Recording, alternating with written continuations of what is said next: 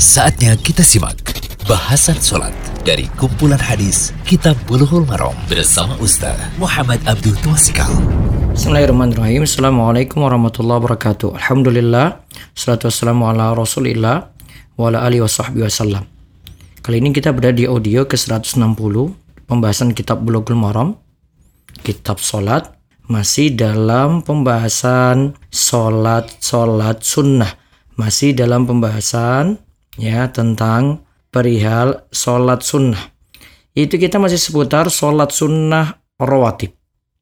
Nah kali ini kita lihat di hadis ke-15 dari pembahasan ini atau 364 dari pembahasan Bulughul Maram dan juga nanti kita lihat hadis ke-16 atau pembahasan 365 dari kitab Bulughul Maram yaitu hadisnya an Aisyah radhiyallahu anha qalat kana Nabi sallallahu alaihi wasallam idza shalla rak'atayil fajri ittaja'a ala shikkihil aiman rawahul Bukhari dari Aisyah radhiyallahu anha ia berkata Nabi Shallallahu Alaihi Wasallam apabila usai mengerjakan dua rakaat sunnah fajar, beliau berbaring atas sisinya yang kanan. Hadis riwayat Bukhari.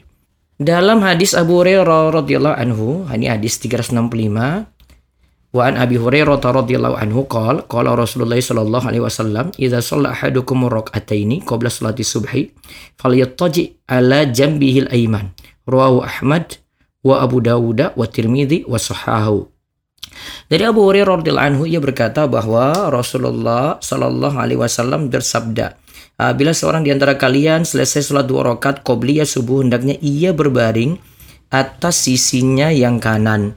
Hadis ini riwayat Ahmad, Abu Daud, Tirmidzi. Hadis ini saya menurut Tirmidzi dan penilaian dari Syekh Abdullah Fauzan mengatakan bahwa di sini terdapat illah yaitu cacat sebagaimana dikuatkan oleh Syekh Abdul Aziz bin Bas. Namun kalau dikatakan di sini sahih, perintah dalam hadis ini bermakna sunnah. Baik, faedah hadis pertama, dalil ini menunjukkan disunahkannya berbaring pada sisi kanan setelah sholat sunnah fajar dua rakaat. Yang kedua, hikmah berbaring pada sholat sunnah fajar adalah agar semangat dalam menjalankan sholat subuh. Oleh karenanya, hal ini berlaku untuk orang yang melakukan sholat tahajud. Ada pendapat lain yang menyatakan hikmah berbaring pada sholat sunnah fajar adalah sebagai fasal, pemisah antara sholat sunnah fajar dan sholat subuh. Sehingga berbaring tersebut tidaklah khusus bagi yang melaksanakan sholat tahajud. Berarti berlaku tidaklah khusus bagi yang melaksanakan sholat tahajud saja. Ya, juga ada pendapat yang menyatakan bahwa pensyariatan berbaring pada sholat sunnah fajar tidak terkait dengan sholat tahajud atau lainnya, artinya berlaku mutlak. Pendapat terakhir ini dipegang oleh mayoritas ulama seperti Imam Nawawi, Imam As-Sun'ani, Abu At-Tayyib, Muhammad Syamsul Haq. Namun, sunnah berbaring tersebut lebih dianjurkan, lebih ditekankan pada yang sholat malam daripada yang lainnya. Faedah yang ketiga, Hukum berbaring pada sholat sunnah fajar adalah sunnah, bukan wajib. Jika hal tersebut ditinggalkan pada satu waktu, maka tidaklah masalah. Kemudian, apa hikmahnya berbaring pada sisi kanan? Alasan pertama, karena Nabi Shallallahu Alaihi Wasallam menyukai yang kanan, itu menyukai yang kanan, maka beliau berbaring pada sisi kanan. Alasan kedua, karena lebih baik untuk jantung, karena tidur seperti ini, ya tidur berbaring pada sisi kanan itu lebih baik untuk jantung daripada sisi kiri. Jika tidur berbaring pada sisi kiri, maka tidur menjadi berat dan sulit tidur nyenyak. Ini kata Ibnu Qayyim di Zadul Ma'ad. Ini ringkasan yang kami sarikan. Terus dari sisi kesehatan pun, kalau kita lihat, cara tidur berbaring ke sisi kanan akan mengurangi beban jantung. Apabila tubuh miring ke kanan saat tidur, maka darah akan mengalir lebih merata dan terkonsentrasi pada tubuh bagian kanan. Denyut jantung akan lebih lambat dan tekanan darah akan menurun karena aliran darah yang masuk dan keluar dari jantung juga lebih melambat. Dengan menerapkan posisi tidur miring ke kanan, maka jantung tidak akan tertimpa oleh organ lain karena posisi jantung akan condong ke sebelah kanan.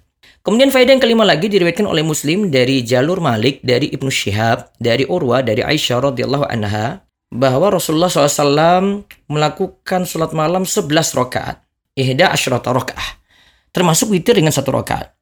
Ketika beliau selesai dari sholat tersebut, beliau berbaring pada sisi kanan sampai datang muazin. Lantas beliau melakukan dua rakaat ringan. Hadis riwayat Muslim. Hadis ini menunjukkan ada ulama yang berpendapat bahwa yang dimaksud berbaring adalah setelah sholat malam, bukan setelah sholat sunnah fajar. Namun ulama lainnya menyelisih riwayat Malik ini dengan menyatakan bahwa tetap yang dimaksud berbaring adalah setelah sholat sunnah fajar. Kemudian faedah yang terakhir yang keenam Nabi SAW itu tidur berbaring di, di rumah beliau karena Nabi SAW biasa melakukan sholat sunnah fajar di rumah. Hal ini sebagaimana disebutkan dalam hadis Aisyah. Nabi SAW biasa melakukan sholat sunnah fajar. Terus kata Aisyah, jika aku terbangun, beliau berbicara denganku. Jika tidak, beliau berbaring hingga azan sholat berkumandang. Nah, Syekh Abdullah Fauzan menyatakan bahwa tidur berbaring setelah sholat sunnah fajar ini tidaklah dilakukan di masjid. Jika melakukan sholat sunnah fajar di rumah, maka disunahkan tidur berbaring setelah itu di rumah. ya Di rumah. Kalau kita melihat dari praktek Nabi SAW dan para sahabat, mereka tidak mempraktikkan tidur berbaring di masjid. Ibnu Hajar Allah dalam Fathul Bari menyatakan bahwa Ibnu Umar pernah melempari dengan kerikil orang yang tidur berbaring di masjid mempraktekkan hadis tadi. Nah, Syekh Abdul Al Fauzan dalam Minna Al Alam sampai-sampai mengatakan bahwa mempraktekkan tidur berbaring pada sholat sunnah fajar di masjid adalah suatu yang tak pantas. Nah, semoga jadi ilmu yang manfaat. Mudah-mudahan sholat rawatib bisa kita jaga, termasuk sholat sunnah fajar dan sunnah berbaring. Ini juga bisa kita praktekkan ya cukup di rumah tanpa mesti mengganggu orang di masjid. Allah yabarik fi. Demikian bahasan sholat dari kumpulan hadis Kitab Buluhul Marom bersama Ustaz Muhammad Abdul Tuasikal.